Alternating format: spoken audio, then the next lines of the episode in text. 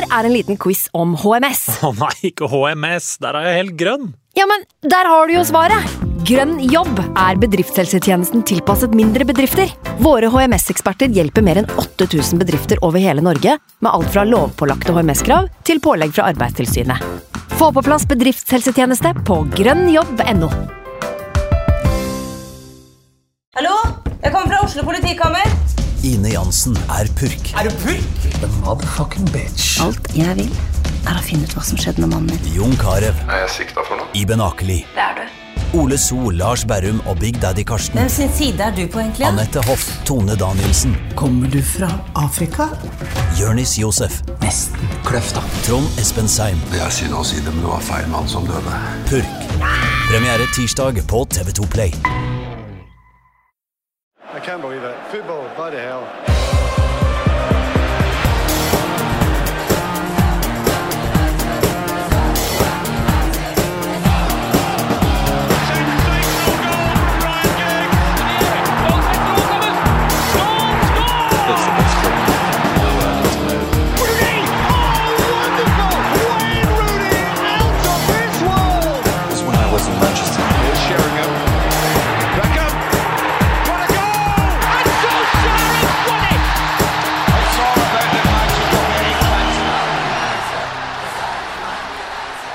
Velkommen tilbake til United We Podcast. Jeg heter Ken Vasenius Nilsen. I dag så har jeg med meg ja, som vanlig Anders Serener. Ja, som vanlig. alltid Halloi! hyggelig. Hallois, hallois. Godt å ha deg her. altså. Ah, det er så godt. Eh, Fridtjof Melle er med oss i dag. Han har vært med en gang tidligere. Han er transaksjonsrådgiver og Manchester United-sporter. Velkommen til deg. Deilig å være tilbake. Du er jo her i dag først og fremst for å snakke litt om eh, det fortsatt ganske ferske eierskapet til United. Men du skal også få lov å mene litt om andre ting hvis du vil.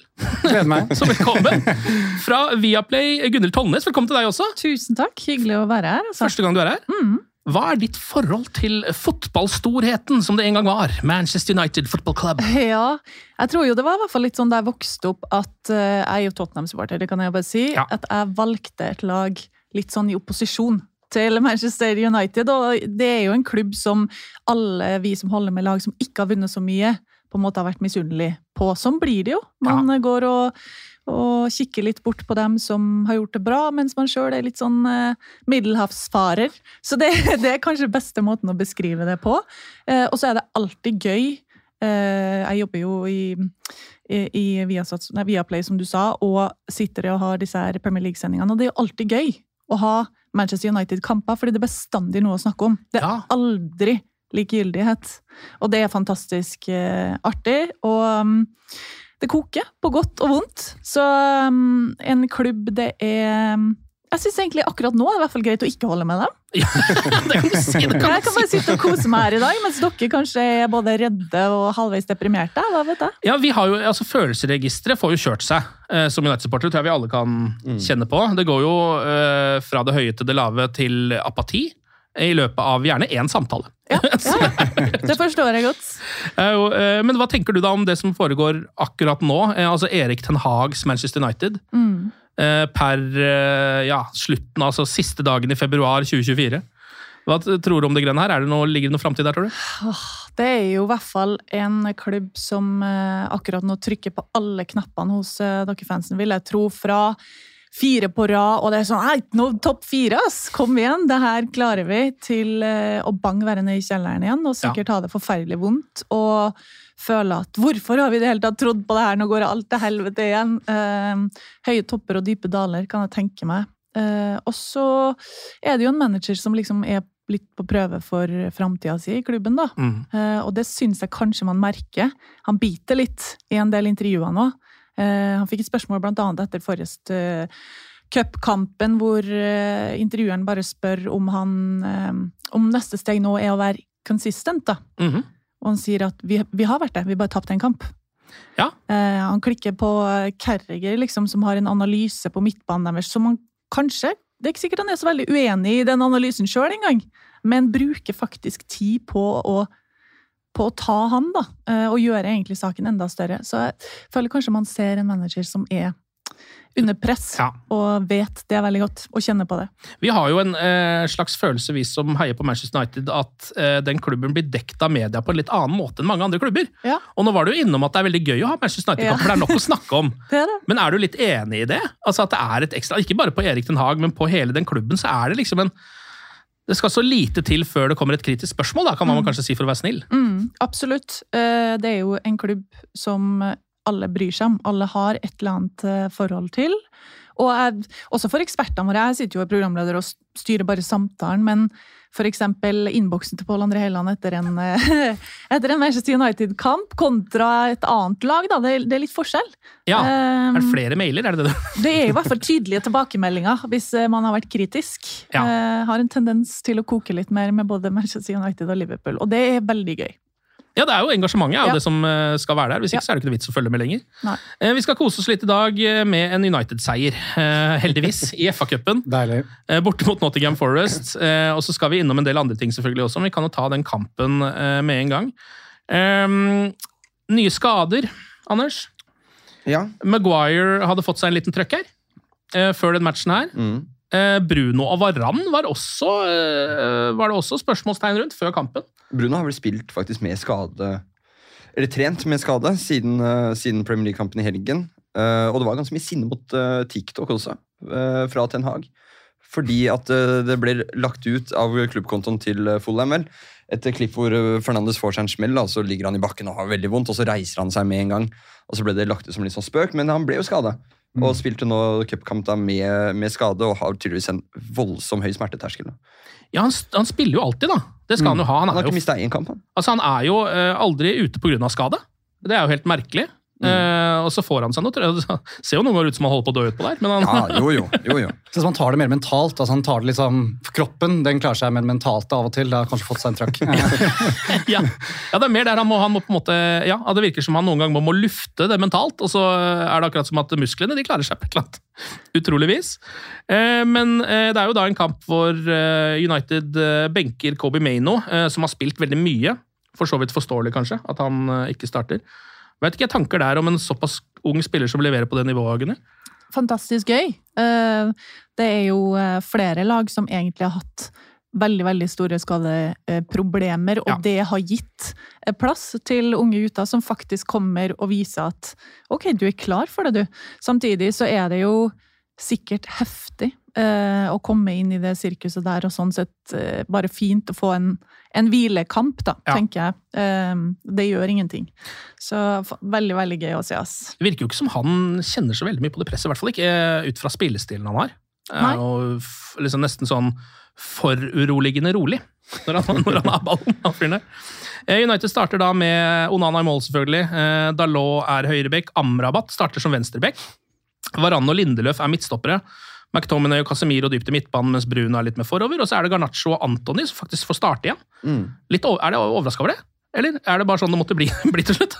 Altså, jeg tror sånn Anthony, Etter alt som skjedde i mediet nå i siste, så tror jeg Ten Hag ble på sånn at nå må han bare på og få vise seg fram. Uh, så kan i hvert fall ikke jeg si at det er jeg som driver og surrer bak kulissene her. Eh, jeg tror Folk stilte en del spørsmål etter Fulham-kampen om hvorfor kom ikke han på Hvorfor kom han på i 90 minutter. Så det ble på en måte en slags balansegang, føler jeg, for å legge den ballen litt død, kanskje. Og Eh, en nylig mulighet da, for Anthony å vise Ja. at uh, her kan jeg levere ikke sant? I, en, i et cupoppgjør uten så mye press.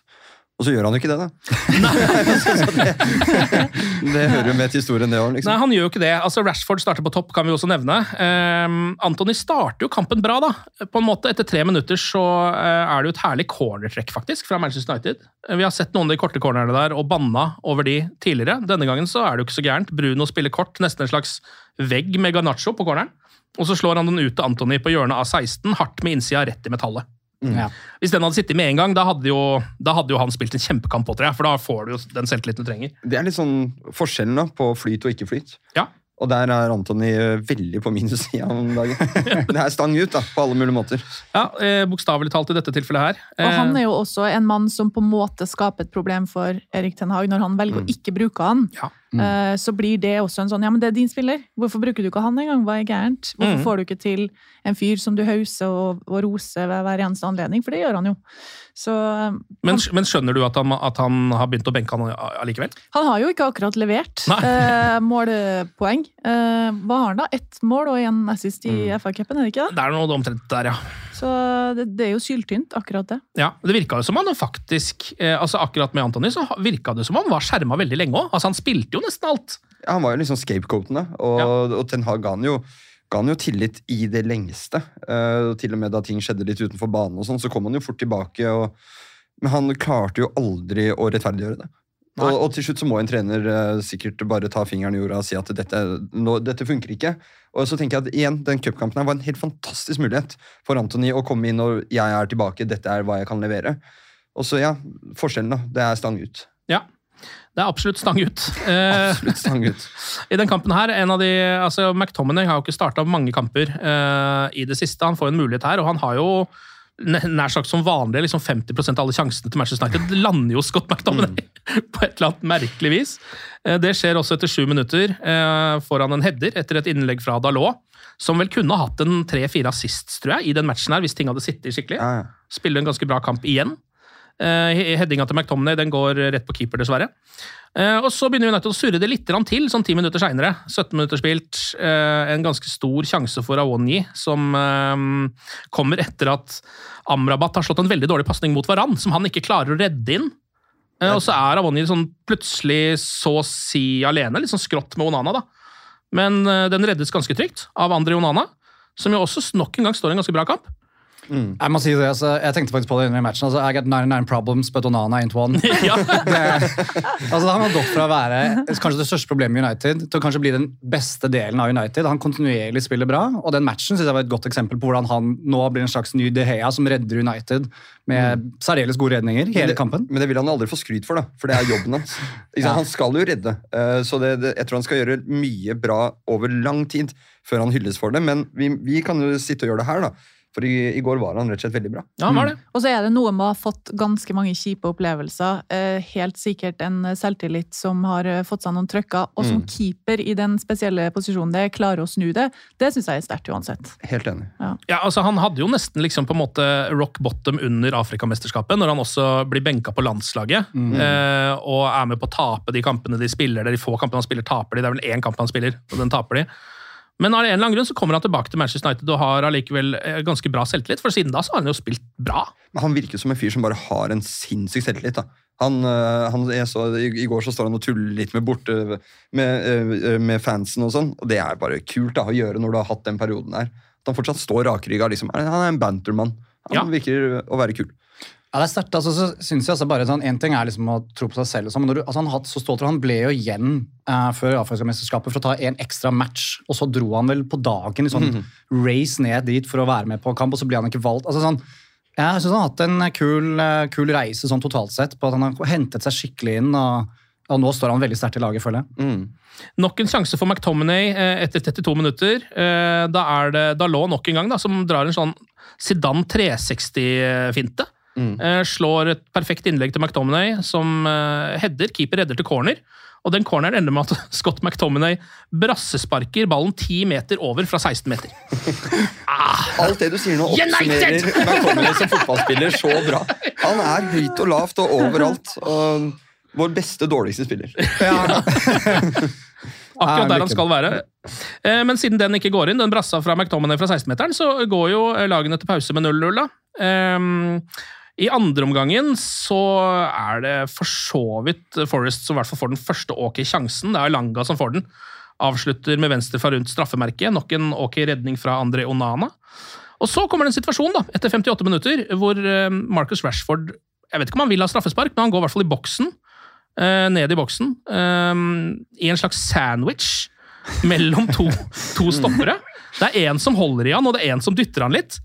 Eh, og det virker veldig vanskelig å stå på beina i den situasjonen, må jeg eh, innrømme, som Manchester United-supporter. Eh, VAR tar den ikke. Den er vel innom VAR, men det blir ikke noe straffe av det. Jeg vet ikke, Var det noen eh, som ble rasende av at den der ikke ble dømt? Jeg vil ikke si rasende, men øh, jeg, Jeg tror ikke folk hadde blitt rasende om det hadde blitt straffe heller. Men, jeg, men jeg, jeg, jeg trodde aldri at det skulle bli straffe. Jeg vet ikke, det, var, Det, er jo veldig var sjelden sånn, at sånne situasjoner blir straffe. Da. Det må jo sies. Altså, bare sånn, det er jo, ja, det Det er en, altså 100% at det blir frispark. Ja. Uansett Mm. hvor det skjer på banen, så er det frispark. Men så, jeg har litt lyst til å si at jeg syns ikke det skal være straffe. Er det lo, eh, lov å si i dette studiet? her? Ja. Synes vi må ha litt den der, vi, vi må beholde noe av det fysiske i fotball, og der, der havner han i en kjip situasjon mellom to forsvarsspillere, og, og må ta konsekvensen av det. Ja.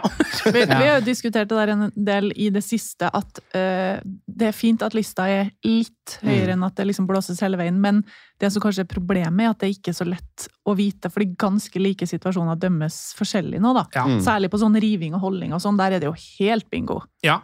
Og man ser jo også dette, altså Vi vet jo fra gamle dager av også, at eh, det er forskjellige regler fra innafor og utafor boksen, og det burde vel egentlig være det òg. For det er jo nesten et, altså det er jo ja, 80% sjanse for mål da, for den ene tingen, mens det andre er jo bare et frispark, liksom. 80% sjanse for filming også. Uh, Ja. boksen, så det Ja, Med mindre du har Juninho, liksom, så er jo frispark en mye mindre sjanse uh, for mål. Så det, jeg syns det, er- synes det var helt greit at ikke det ble straffe. Vi hadde måttet høre så sinnssykt mye Ja. fra andre supportere også. Lenge. Jeg tenkte faktisk det samme, jeg er glad du sa det først. for det er sånn, Hadde vi fått den straffen, da, fått det målet, så hadde på en måte seieren blitt litt sånn Vi fikk den straffen, og så vant vi. Og det å kan jo vinne på den ordentlige måten i Fuel, det tror jeg gir mye mer til laget. sånn totalt sett. Så jeg er også Mm. sånn glad der og da. bare sånn, Jeg tror vi kanskje kan ta den på åpent spill. Mm. La oss håpe på det. Ja. Uh, ja. Det blir vel ikke helt akkurat fra åpent spill, men Nei, eh, fra en dødball. aldri det. blir jo ikke det. Eh, United fortsetter å rulle på litt. Sånn rundt 65 minutter så uh, syns jeg de er klart best på banen. Jeg vet ikke om dere er enig i det, men jeg syns de har god kontroll på Forest. Skaper absolutt flest sjanser. Litt skuffa egentlig over Nottingham Forest, for jeg var reddere for den kampen her enn det den kanskje viste seg å bli. på et eller annet vis. Eh, Men det er jo McTominay som får alle sjansene. da. Eh, United ruller opp, Garnaccio spiller til Bruno. Han prøver å sette den på én touch fra rundt 16, eh, men treffer McTominay, som har en slags sånn hockeystyring, inne i feltet. Rett utafor, bare. Og så eh, har Ten Hag tydeligvis eh, gått lei av Antony etter 72 minutter og setter inn Amad Diallo. Eh, som jo også er en spiller som jeg tror veldig mange United-sportere vil at skal ha mer, få mer tid på banen. Mm. Ja, altså det, sånn er det alltid med unge spillere som ikke spiller nok. At man skjønner ikke hvorfor de ikke spiller, à la Pelistri eller hvem enn det skulle være. Det pleier å være en grunn til det. Ja. Sorry å si det, men eh, det, det er alltid en grunn til at spillere ikke spiller. Og så syns jeg Ahmad har sett veldig frisk ut da, når han har kommet inn, men du skal gjøre ganske mye mer enn å bare ha noen fine kombinasjoner og en dragning.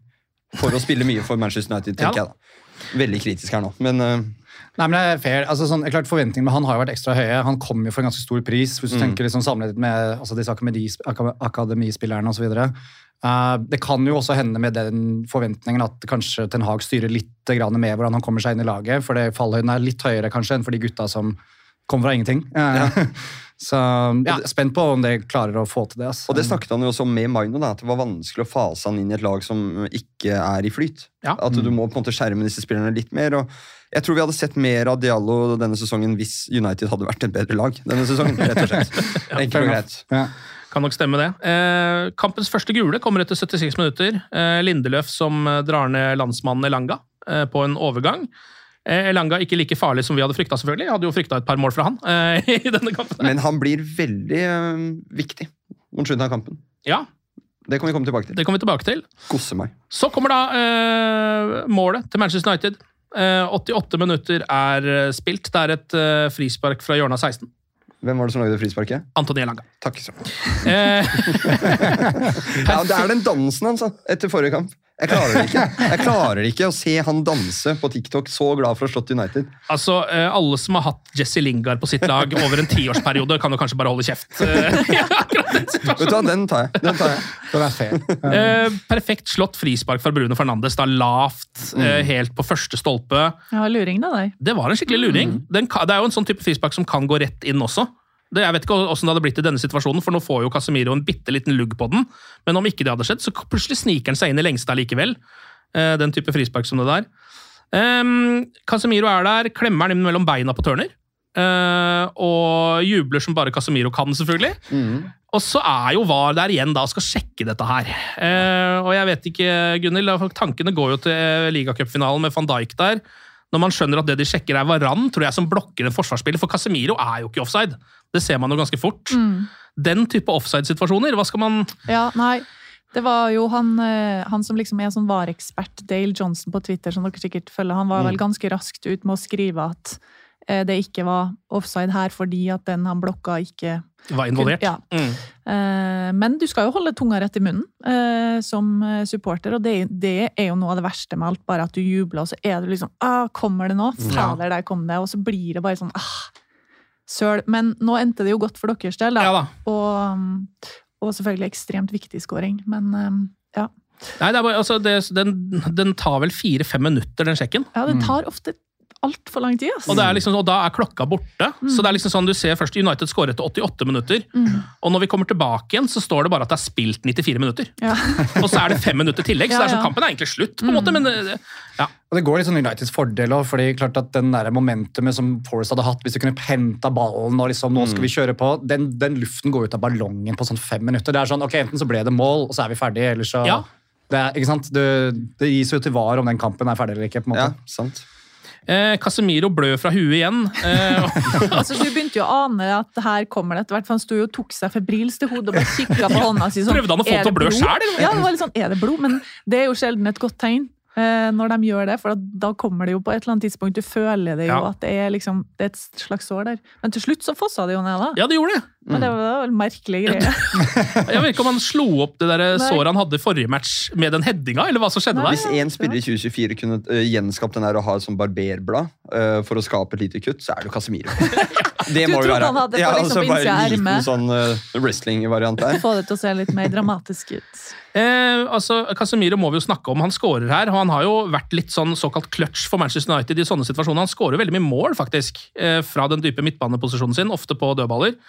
Men eh, Gunnhild, som den mest objektive her, eh, nivået til Casemiro nå. Ja, Føler du at han er liksom bra nok til å spille fast for, dem, for United på Det er jo det å snakke om det i dag, da. Når Ja. Dagen derpå Men det er da vi må gjøre ja, det. Ja, jeg vet, men det er liksom sånn Jeg forstår at det er en del Manchester United-supportere som er litt sånn Til sommeren nå, så kanskje er det takk farvel, da. Eh, Jeg skjønner det. Samtidig, tenk liksom rutinen, erfaringa. Erik Ten Hag trakk fram veldig at strukturen med han på laget og uten er gigaforskjell. gigaforskjell. -hmm. Og det kan jo godt hende at han gir masse til spillerne sine som ikke vi ser med tilstedeværelsen sin også. Eh, men det er jo ikke Casemiro at, eh, på sitt beste, liksom. Nei. Eh, vanskelig, ass. Jeg vet ikke, Hva tenker du, Fridtjof? Altså, jeg innrømme at jeg var veldig positiv når jeg hentet Casemiro, fordi han er jo en av de få spillerne på laget som har vunnet noe uh, de siste årene. Uh, og det, det er faktisk litt kritisk, tror jeg. Du har nødt til å ha noen i garderoben som vet hva du må gjøre når du ligger under 0-1, eller som kommer inn og bare sånn selvfølgelig er at vi skal vinne. Han har sikkert mistet litt av det de siste månedene, men, men jeg tror samtidig en som når vi kommer på, på, på forbeina igjen, som, som vet hvordan man kan bruke det momentumet, hvordan man driver det framover og close kamper. Jeg tror det kan være veldig verdifullt, og det ser vi sammen med Giggs hvis vi tenker ti år tilbake. Altså, han var vel på et tidspunkt litt for gammel til å være på banen, men jeg tror han hadde med seg ekstremt mye med den mentaliteten og den senioriteten som det bringer til de yngre spillerne. Få en god overgang der mellom Casemiro og Maino, f.eks. Mm. Det tror jeg er kjempeverdifullt. Kontinuitet, da. Og så snakker man jo mye om vinnerskaller, og så er det litt sånn vanskelig å si noen gang hva, hvor mye har det. De målene Casemiro skårer, det er vinnerskallskåringer. Altså, det, det er ikke Det er jo bokstavelig talt skaller. Ja. Ja, ja, ja, men det er bokstavelig talt som Chelsea i fjor, og han skåret mye viktig av ligacupfinalene. Og det er ikke tilfeldig at det er han. Og det er ikke tilfeldig at han dukker opp på de stedene. Han, det er ikke tilfeldig at um, det er bare han som lukter at vet du, nå kommer Brun til å skyte den her inn. Det, det, det har så sinnssykt mye å si. og uh, Ten Hag har jo også vært inne på nettopp det. at uh, Varan og Casemiro, hva de er for laget. Uh, Det at Varan kriger for å komme seg i form til denne kampen, selv med småskader. Det er jo ikke noe United har vært vant med de siste ti årene. Spillere som gjør akkurat det. Så jeg tror det der er, det har mer å si enn vi tror. Ja, og så syns jeg jo òg at det er en fyr som uh, har vært med på så mye, og så setter han inn det målet i, eh, på City Ground, tar dem til kvart, og altså feires som om altså, han, er, han er jo kjempeglad. Mm, det er jo ikke en fyr som er liksom mett sånn sett. Han viser genuin glede. Som, hvis jeg hadde vært supporter, så det hadde gleda meg enormt. da. Mm. Ja, og det Eh, gjorde det jo. Altså, man blir jo så glad i mannen. Mm. Det må jeg bare si. Jeg tror ikke det er noen United-sportere som, som ikke legger velvilja til når det, lenger, når det gjelder Casemiro. da. Når man skal når ta han den bare samtalen. feirer sånn, er helt greit. Så har han så rart, fordi jeg syns han både ser ut som en femåring Ja, og han gjør det. Så jeg får, jeg får lyst til å gjøre sånn, sånn i kinnet hans, omtrent, og så Ja. vet jeg at han hadde slått meg ned. Eh, Så han har en helt sånn fascinerende dualitet i, i fremtredende Men veldig søt, men veldig farlig hund. Ja, ja, nettopp. nettopp. Ja, men det, er det noe bollekinn der. Ja, ja, ja, Og det er så gossekinn! Ja, ja, ja. United gjør noen litt sånn sedvanlige når man lederbytter etter 94 minutter. Eh, Da kommer Evans inn, det gjør han nesten alltid. Mot slutten her så skal de ha flere midtstoppere. Eh, Amrabat går ut, og McTominay eh, går ut, og Kobi Maino kommer inn bare på slutten for å ha litt legs. Mm. Eh, Maino og Garnaccio har en herlig, et herlig lite passiar nede ved cornerflagget, hvor de driver og slår en tre-fire tunneler. Mm. Som er deilig å se fra to unge karer. Eh, og så får United en corner eh, helt mot slutten av kampen. Det er spilt 99 minutter. Eh, Bruno får en corner. Det er åpenbart at de skal prøve å slå en kort variant og drøye tida. Men uh, før han får slått corneren, så kommer Felipe bort til han uh, og gir han uh, et ordentlig strupetak. Mm. Eh, og det er jo også en Casemiro-klassiker. Han får jo rødt for de, Ja. vanligvis, når han gjør det. Felipe fikk ikke det. Uh, Var er inne og sjekker. Mm. Går veldig fort. Bruno står på en måte bare og rister på hodet, og er, han, jeg føler at han mener at det ikke er rødt.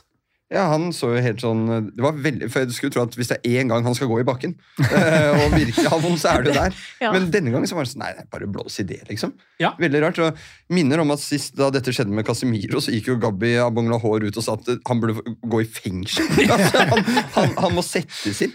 Eh, det har ikke vært helt de samme reaksjonene denne gangen, og det kan man si er greit. da. Jeg syns jo ingen av de burde vært rødt, men eh, ja, det er dette med, dette med å være konsekvente, da. som- Det er vel eh, det beste eksempelet på at det er veldig stor forskjell på folk, og hvem som gjør eh, hva. Mm. Eh, og så kan du si at han er jo en fyr som Han har selvfølgelig ikke bedt om det, eh, hvis noen eh, gjør noe med han som egentlig er en forseelse, som enten skal være gult eller rødt eller hva.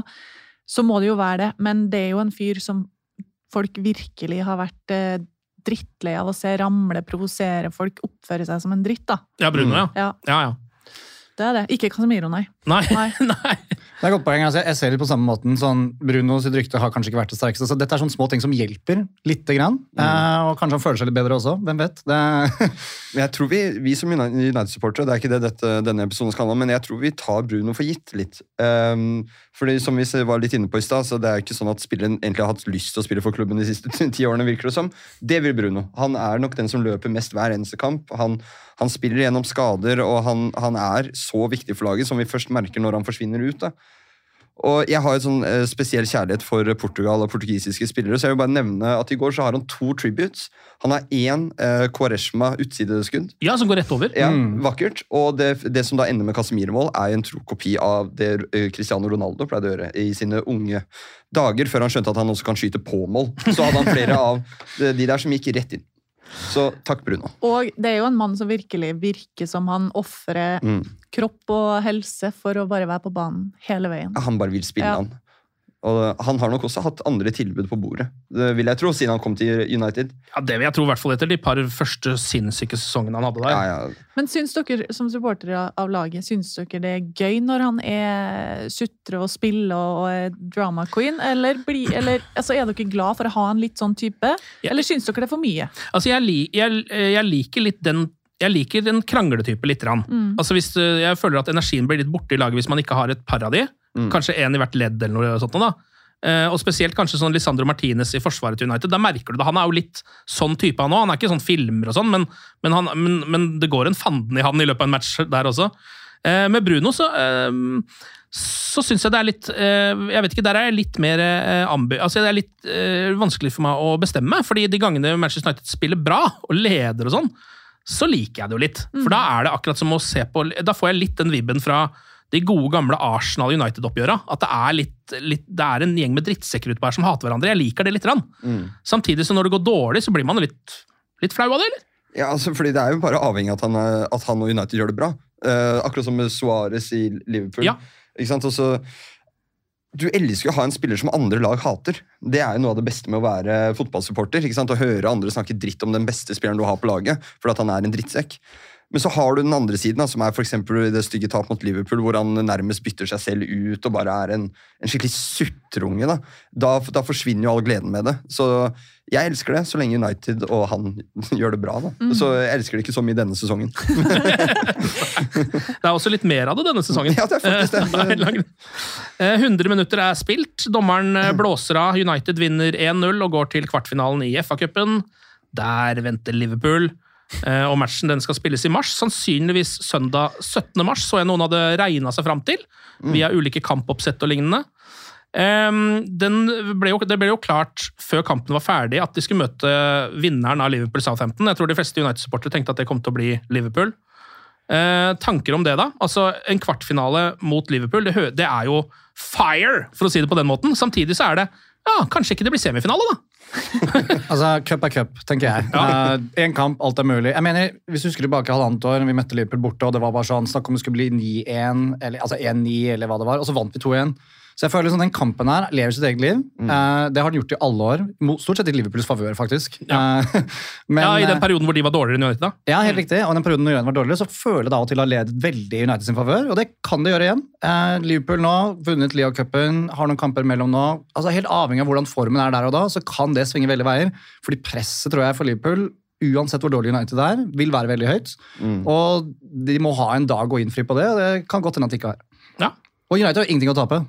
Hvis man skal være litt ærlig. Altså sånn, Det er underdogs, iallfall. underdogs i, for, i forhold til Liverpool, så jeg er positiv. Uh, men skal nok se den kampen alene.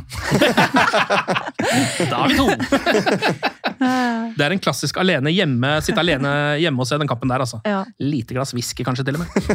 uh, ok, Vi kan ta litt sånn diverse småting som har skjedd. Paul Pogba, uh, en tidligere United-favoritt.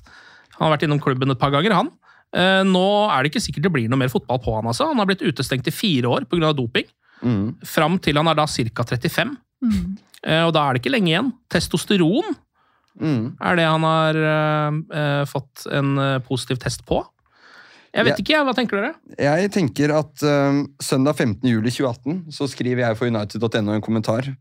Da har Pogba akkurat vunnet VM. Dette kan bli Pogbas store vendepunkt, skriver jeg. Jeg tror dette kan bli veldig veldig bra for United, skriver jeg i ingressen.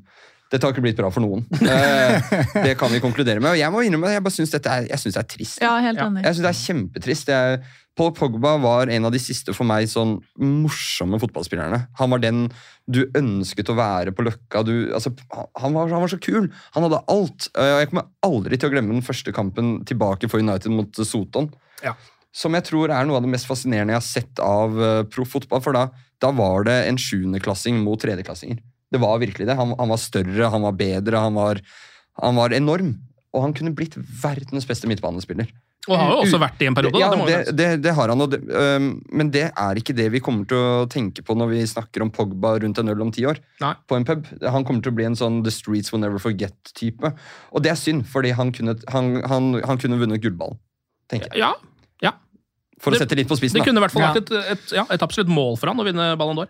Ja, altså, han, jeg bare, han hadde jo noen kamper for United som, som var helt legendariske, altså mot City for annet også. Det er, eh, det er utrolig synd å se at ikke alle disse um, spill, altså det er mange av de spillerne som på en måte kunne hatt en så mye større karriere enn de potensielt hadde. og Det viser jo også at fotball er mennesker, og det er ikke alle som går i samme retning. Mm. Man, man har jo de høyeste forventningene basert på talent, men det er mange andre faktorer som spiller inn. Da. Se det med Rashford nå, blant annet også. Det er, Får håpe at det eh, kommer seg på rett kjøl. Ja, det avhenger nok av mye. Pogba for meg er i Neymar-kategorien. Jeg, jeg ville så mye mer for de begge to. Ja. Og så vil jeg også bare kaste inn en brannfakkel her. at eh, Jeg tror ikke Pogba er den eneste du hadde funnet urene ting i blodet til i fotballuniverset. Så mange fotballspillere og så få dopingsaker det faktisk uh, avdekkes. Det syns jeg også høres rart ut. Ikke at det er noe forsvar for Pogba, altså. men jeg, jeg vil tro at dette kanskje er litt mer utbredt enn det snakkes om i dag. Ja, men det er også da en av de få tilfellene hvor Manchester United har på en måte dodged a bullet. da. Det hadde, altså, ingenting hadde vært mer typisk enn at han har vært United-spiller når han først ble skada i et år, og så kommer han tilbake med positiv dopingtest eh, og er ute til han er 35. Altså, det, Heldigvis kan man jo si så skjedde det til Juventus, da, eh, og ikke i Manchester United. fordi det hadde vært så forbaska typisk at det skjedde der Men nå har ikke jeg satt meg helt inn i sak. Mulig at han har noen ankemuligheter. og sånt, Ja, han har noen ankemuligheter, ja. Men eh, da, det betyr vel at da er karrieren til Pogba i praksis over, da? Ja. rett og slett. ja altså, det er vanskelig å komme tilbake som 35-åring etter fire år uten å ha trent for en proffklubb. Det vil jeg jo tro. Du skal i hvert fall ha en eh, relativt sterk lyst på Ja. å ha en eller annen sånn siste sesong eller eh, Mm. siste run etter noe sånt, da. Ja. Det lukter litt Saudi-Arabia ja. for meg altså. Ja. Eller, eller noe eh, ikke, ikke Premier League, i hvert fall. Kan jo sette litt penger på det da. United, starte for United om fem år. United har, kjøpt, altså United har kjøpt 35-åringer før, de. eh, Og pælma de inn i elveren sin, så det, kan jo skje. Og de kommer til å gjøre det igjen. Um, det er jo også noen rykter rundt Zinedine Zidane til Manchester United. De har vært der før òg, for så vidt, eh, men nå Jeg vet ikke om det virker mer reelle, men, men det er liksom snakk om at det er Ratcliffe og Injo som vil ha han. da. At det er den store drømmen deres. Mm. Tanker eh, rundt det? Zinedine Zidane han har sittet og venta på det store prosjektet sitt. Altså, det hadde vært fantastisk. Uh, det er jo veldig spennende, både, altså det blir jo litt sånn bredere med Injos og, og Ratcliffe og gjengen generelt. Altså jeg tror De er jo veldig opptatt av å få rett folk i rette posisjoner for å kunne levere på en strategi de forhåpentligvis har i bakhånden uh, relativt fort. Uh, Zidane må jo si å være en drømmetrener, uavhengig av hvem man har på et tidspunkt. Um, så det overrasker jo ikke at det er et rykte, om det så er reelt. Så vi tror ikke det vil overraske Den Haag engang, at det er noe som i hvert fall vurderes da, på mm. reelt sett. Uh, og det er egentlig sunt, tror jeg, både for Ten Hag og for United alt, at man burde egentlig ha en ekte vurdering uh, og potensielt på måte stille Ten Hag de samme spørsmålene de stilte til Zidane og si sånn ok, er du komfortabel med å sette dette målet? Det er det Zidane committer til, og vi har lyst til å nå dit. Er du komfortabel med å sette det samme målet? I så fall så kan vi ha en samtale videre. Mm. Og det er det en mann dere har lyst på. La oss si at eh, Ten Hag er ferdig i sommer. Det er jo vanskelig å si nei til en vinner, da. På et eller annet vis. Samtidig så vet man jo ingenting om hva det der vil si. Altså, Man har jo bare sett han trene et Real Madrid-lag med verdens beste tropp, på en måte. Mm. Men gjort det veldig bra med de, da. Det må jo sies. Ja. Jeg synes det er veldig vanskelig å si. Altså, for det første så vet jeg ikke om han egentlig er noe sånn spesielt god til å snakke engelsk engang. Jeg tror, ikke han, jeg tror ikke han snakker engelsk, faktisk. Og så tror jeg også at han har vært ganske tydelig på at han ikke er gira på dette her i det hele tatt selv. Opptil flere ganger, egentlig, før jeg har lest det. Uh, Høres ut som kjempeutgangspunkt, egentlig. Ikke sant? Ja. Men det må jo også sies at de, de gangene det var tilfellet, så var jo det da under forrige eiere. da. Altså med en eh, Hva skal man si ikke en, eh, i hvert fall Det var ikke noe positiv vind i noen seil på det tidspunktet der. Nå er det jo det lite grann, i hvert fall. Ja, det er en bris. Det er en bris. Det, det er en bris. Jeg, vet- eh, men altså, jeg kan jo ikke bedømme Zidane. For meg så er han litt sånn Angelotti. Det er mye vibes. Eh, altså, han, han har et helt nydelig lag som han får til å fungere kanskje mest med å bare være den personen han er. Det er sånn jeg ser, eh, har tolket det. Og så skjønner jeg at han er god, han er sikkert veldig god taktisk, og sånn, men Ten Hag er en god trener, han òg. Sånn, det må man jo bare tro. Du har sett det han gjorde i Ajax mot nettopp Real Madrid. da. Og det, De vant jo ikke ligaen i Nederland på et par år før han kom, og de har ikke vunnet senere. Jeg, jeg, øhm, vi har vært veldig kritiske. Jeg vil heller ha Ten Hag enn Zidane. Å ja! Ok, du går dit, ja. Ja. Det er fascinerende. Fridtjof, vil du også ta en så, være så bardus? Nei, jeg bare går rett på. Ja, det er godt. eh, Jeg syns det er fint sagt, Anders. fordi klart Ten Hag skal man ikke undervurdere på det han har levert, men jeg tror United altså Slik jeg ser det, da, sånn personlig, siden Ferguson dro, så tror jeg ikke det er en trener som har klart å få den ekte respekten i garderoben uh, som kanskje har vært behov for. Og det har på en måte, altså det har vært en slags uh, en makt som har ligget med spillerne, som kanskje ikke treneren har fått helt kustus på. Og der vil jeg kanskje si at Zidane er kanskje en som kan komme inn i garderoben og si sånn altså, altså det, du, Jeg tror han får ganske mye respekt uh, Ja, ja, ganske ja. fort. Uh, og jeg personlig tror kanskje det er en av de tingene som kunne, kunne vært manglet. Om jeg hadde byttet han her et par dags dato, eh, det tror jeg er litt risikabelt. Jeg tror, det, jeg tror vi må se hvordan, for meg personlig, hvordan Ten Hag nå ut, går ut sesongen. Mm. Eh, og litt avhengig av det, så er i hvert fall Zidane et veldig veldig attraktivt alternativ. Ja, det må man Jeg må også bare legge til at jeg merker meg at uh, siden vi satt og hadde den diskusjonen sist, som var klokka halv to i en badstue på Norefjell i helgen, du har moderert deg noe voldsomt. Det var fint sagt, Anders. Det, altså, det, det her er så rake motsetninger. Men ok, det er fint. Du er en annen i der dere skulle hatt podkast-mikrofon. Ja, det, Da tror jeg ikke noen av oss hadde hatt jobb å gå til, faktisk. Ok, men Når vi først er innom uh, sir Jim Ratcliffe og Ineos, uh, Fridtjof, dette her er jo uh, noe du kan mer om enn oss. Eh, du jobber jo med lignende ting. Altså Du har ikke vært med på å kjøpe opp Manchester United, men du har vært med på å kjøpe opp andre firmaer og sånn tidligere, og gitt råd til dem som har gjort det. Det er en del ting her vi lurer på. Eh, det første jeg lurer på, er altså eh, De starta jo da med å få 25% eierandel i klubben. Det var der det begynte. Nå er det liksom uh, offisielt. Det høres ikke så mye ut for meg. 25% høres lite ut, syns jeg. Hvorfor virker det da som i praksis at det er sir Jim og Indio som styrer hele sjappa nå?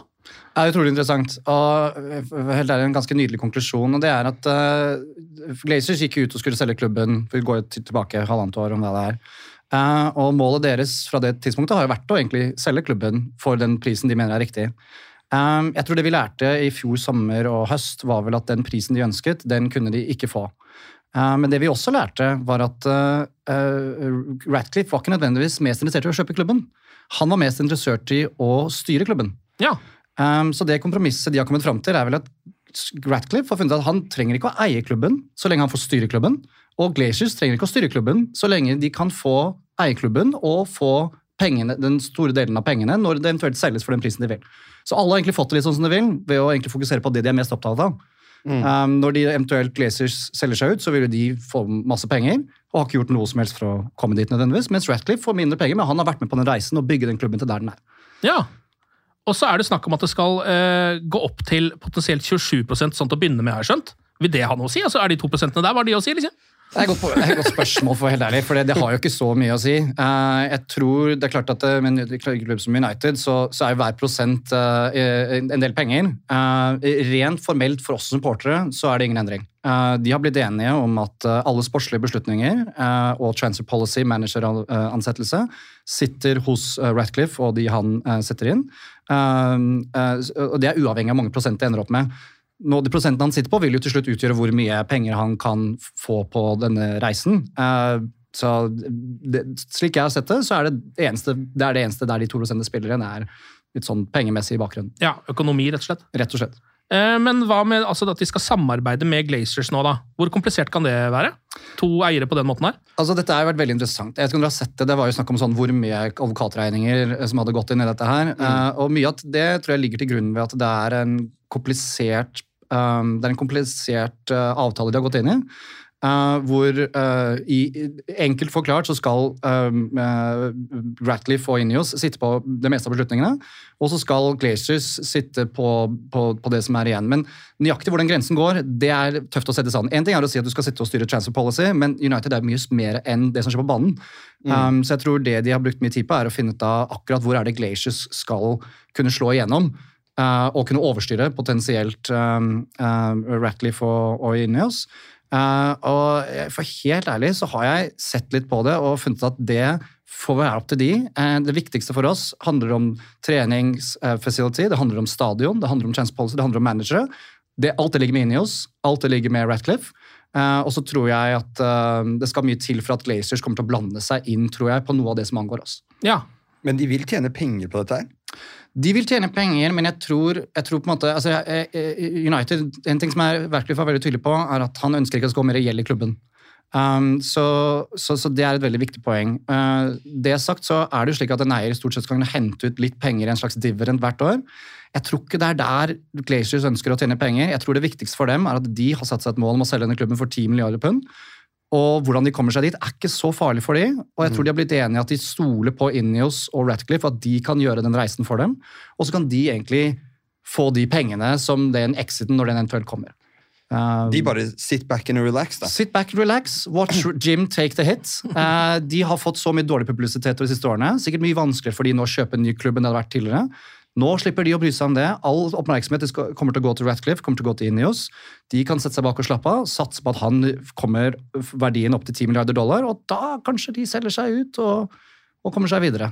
Det, ja. Det høres jo veldig fint ut når du legger det fram sånn, da. eh, Veldig problemfritt og smooth, egentlig. Men jeg tenker liksom sånn, idet det oppstår en konflikt, da, eh, at de er uenige om noe, så vil det jo alltid være Gleser som sitter der og har makta til syvende og sist. Ja, det, det er helt riktig. Så jeg, jeg tror nok det blir veldig spennende å se hvor er det de um, vil sette ned foten. Hvor er det de vil, og Uavhengig av hva man har avtalt. altså Har du nok advokater, så kan du sikkert uh, finne ut av hva som Mm. helst. Men det blir veldig spennende å se hvor de ønsker å sette ned foten, og hvor de ønsker å, å endre ting.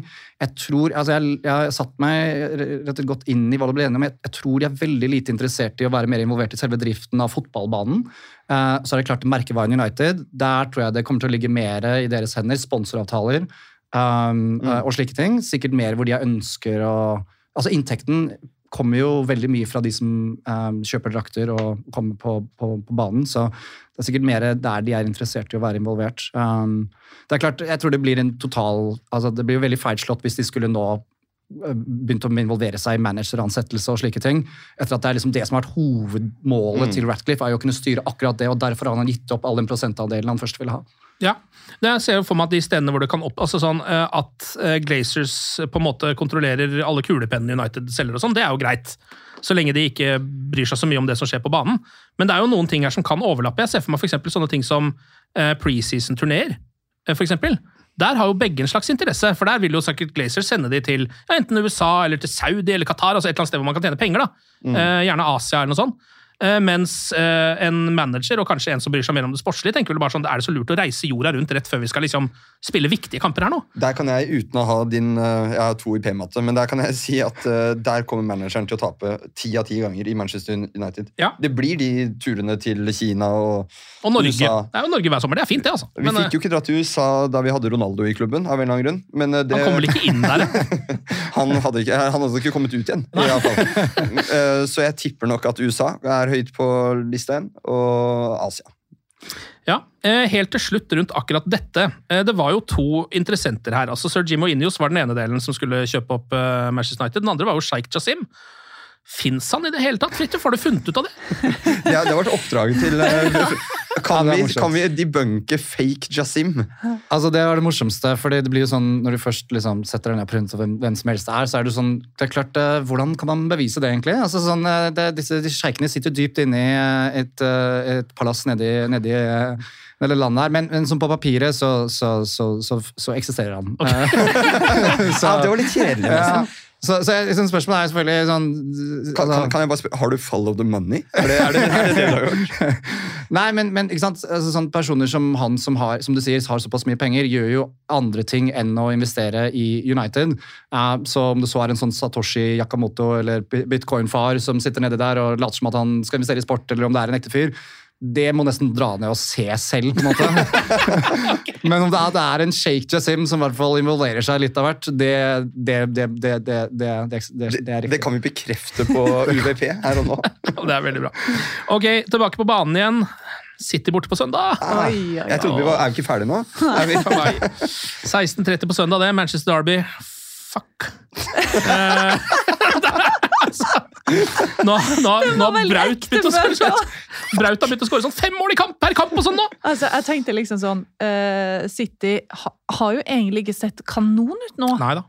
Og så selvfølgelig da, så kommer den cupkampen mot Luton. Ja, lille Luton, men de har faktisk bitt bra fra seg mot de store lagene. Og så er det bare Brauten i stor form, KDB som Mm. serveres, og bare Hei, hei, folkens, vi gleder oss til å ta imot dere i helga. Men for det er jo veldig sånn følelse av City gjør dette med, nesten med vilje sånn i februar. At de ene er sånn Hei, faen, skal vi, skal vi bare sette i gang, da? Og, så, og, og der er de nå, ikke sant? Skal vi bli uovervinnelige, da? Ja. altså for På et tidspunkt så må det jo bli det. Mm. Uh, og det er jo litt klassisk da, at med en gang de har liksom virkelig fått i gang Haaland, De Bruyne er tilbake fra skade og har spilt bedre enn noen gang, eh, så er det omvendt litt med United. Der er liksom sånn Kanskje Maguire er tilbake igjen fra skade til denne kampen. Liksom, Bruno halta ut mot Forest. Han kommer sikkert til å spille fordi han spiller alltid. Eh, Varan var også småskadd, men spilte hele kampen mot Forest. Høylund er ute. Høylen er Mm. ute. Eh, ja. Um, jeg er egentlig ferdig med å på en måte si sånn Men dette kan jo være Fordi det skjer så sjelden at United slår City, føler jeg. Uh, I hvert fall når City er så gode som det de er nå. Denne kampen må jeg bare innrømme at jeg ikke gleder meg til. Nei, Det er vanskelig å glede seg til denne kampen. Du vil se den alene. Jeg, dette er sånn kamp jeg må Dette må jeg se i trygge omgivelser på Linken på Torshov. Eh, for der vet jeg at når, når målene begynner å renne inn, så kommer servitørene. Ja. Da er det sånn nå, nå ser jeg det, Anders. Nå har du det vondt. Altså, Bruker du å se kamper der? Ja, ja, nesten hver, vi har fått et litt sånn United-community oppe i andre etasje Ah, der. nei, I andre etasjen der bruker jeg å være av og til. Eh, Aldri sett det. Jeg kan bekrefte at jeg har en gullplansje på det ene bordet hvor det står Hæ? navnet mitt. Nei. I kid you not. Når du går opp trappa, hvilket er det første? Hvor, Den første. eh, Du ser rett på baren, og så er det opp til høyre der. Ja. Ikke inne i kroken. Nei, men det det bordet rett frem når du går Ja, trappa? ja. Dæven, aldri sett noen gullplansje der. Ta så- Skryter du på det nå? Titt etter. Ja, Gunnhild, titt etter. Jeg skal gå og sjekke det ut. Ja, Der er du hjertelig velkommen til å komme og se uh, kamper med Anders. altså Jeg kommer ikke til å komme, men Nei, nei, eh, Serene sitter der nesten hver søndag. Serener og Dyrnes Ja. eh, sitter der uh, hver søndag. Men Jeg kan, ja, gå og kjør på. Nei, jeg skulle bare si, si til dere hvem jeg skal se kamp med på søndag. Mm. Bojan. Nei, skal det? Ja. Å nei, har dere henta han inn til denne kampen? Ja. Åh, kunne dere ikke ha hatt han inn til Forest-matchen? da? Det vært litt hyggelig. Nei, men det, det er gøy. Det, Ja, han må være helt så- nydelig å se kampene. Altså, han er generelt en nydelig mann. Ja, det Eh, forstår det er meg bare hjertet er utpå kroppen, og det er mm, mye energi. Det, det har vi fått med oss. Meninger om alt. Du får gjøre men litt, eh, utrolig snill mann. Bare, Kanskje gjøre litt lobbyvirksomhet for oss, da, for han er jo en av drømmegjestene til United Podcast som vi ennå ikke har hatt her. Han stiller sikkert, han. Ja, det kan godt hende. Ja, ja, ja. Ja, kan... Unnskyld at jeg avbrøt deg. Nei, nei, nei, jeg føler at jeg oppe igjen. Jeg, jeg tenkte bare, jeg fikk, jeg tenkte bare en positiv vinkling eh, til kampen. Oi, Jeg- oi, oi, oi. Er du sikker på dette? Ja, men jeg tenker meg godt om, og jeg tror, eh, Hvis du tenker liksom langsiktig, så tror jeg det viktige nå framover er å få en følelse av Ratcliffe og hans plan. Eh, og, eh, og for at den planen så fort som mulig kan komme inn i virksomheten. Og jeg tror jo, jo, jo hardere du treffer i veggene som er rundt United akkurat nå, jo kjappere går du fra eh, det er noen beslutninger som er åpne, til at noen beslutninger som lukker seg. Jeg tror Uavhengig om Ten Hag vinner en kamp til helgen, så er det mulig at han kan stikke seg ut som en sterk manager neste sesong. Det er helt, kommer helt an på hvordan han kommer inn i den kampen, og hvordan han kommer ut av den. Så jeg er liksom spent på mer det. Altså, kan vi få en mer konklusjon på er Ten Hag riktig mann, øh, riktig mann fremover? Og det tror jeg vi kan få med et møte med City, for det er en, kamp, det er en vanskelig kamp. Men en god manager kan få United ut av det med en positiv vei fremover. Uavhengig av hvor mye de taper. Nesten. Dette var nærmere badstuepraten. Ja. Ja, men hvis, hvis Manchester United får grisebank på Etiad Mm. eh, Det kan de jo få, sånn Ja. som ting ser ut akkurat nå, uten Rasmus Høylund og med et City-lag som durer på. Mm. Er det det som skal være med å bestemme framtida til Erik Den Haag? Jeg, jeg tror på en måte avhengig av, altså jeg tenker liksom avhengig av hvordan han kommer seg ut av det. Hvis det er sånn Ok, vi tapte 4-0, um, og dette, er, dette gjør at jeg nå ser at det er disse endringene vi må gjøre. For det, det blir så tydelig i den kampen at det er fire ting vi må fokusere på. Her er sånn vi skal bevege oss ut sesongen. Dette, også internt også utvikler de tingene. Så kanskje det er det som er riktig. Altså, du, du, du blir avkledd. Hvis vi blir avkledd av City, så er det jo, da vet vi hvorfor vi er, og vet hva vi skal ta på oss for å komme oss videre. ja, ja, ja, ja. Hvilke klær man skal gå med videre. Eh, ok, da er det, gjenstår det bare det deiligste, nemlig resultattips. Eh, Manchester City på bortebane, søndag 16.30. Eh, Gunhild, den objektive, hvordan ender denne matchen? 4-1 til Manchester City. Ah, hadde også. Unnskyld, gutter. Fridtjof. Jeg må si 5-1 til City. altså. Du satt der og skulle være positiv, jo! Men med en sterk plan videre. Fem menn til City, men shoppingrunde dagen etter, og klærne kommer til å sitte i hvert fall. Eh, Absolutt. Anders? Hederlig 5-1. Liksom. Hederlig 5-1. Da får jeg gå mot meg. Da, da blir det eh, 2-2. Oi, det var 2-2 fin. blir det. Frekt. Oi, 2-2. Hvor, hvor henter du det fra? Eh, Jeg henter det fra at vi har, eh, vi har henta opp og vunnet 3-2 før. Men jeg tror ikke vi har den eh, goalgetteren vi trenger for å hente tre mål. Så vi får to. Vi kommer til å ligge under 2-0 og så kjempe tilbake med eh, to mål. Maguire på overtid med heading. Oi. Da skal jeg gå for en eh, litt sånn overraskende kjedelig kamp. Jeg tror det blir 1-0 til Manchester City. Nei takk. Mm, Jeg tror Ja, Nathan. Ake på corner Nei, etter 83 nei. minutter. Er. Ok, nei, Det er bare å krysse fingra, da. Eh, Håper at vi kommer ut av dette med i hvert fall én sokk på, og ikke helt totalt avkledd. Det hadde vært litt dårlig. Så Gunhild og Fridtjof og Anders, tusen takk for praten, og glory, glory.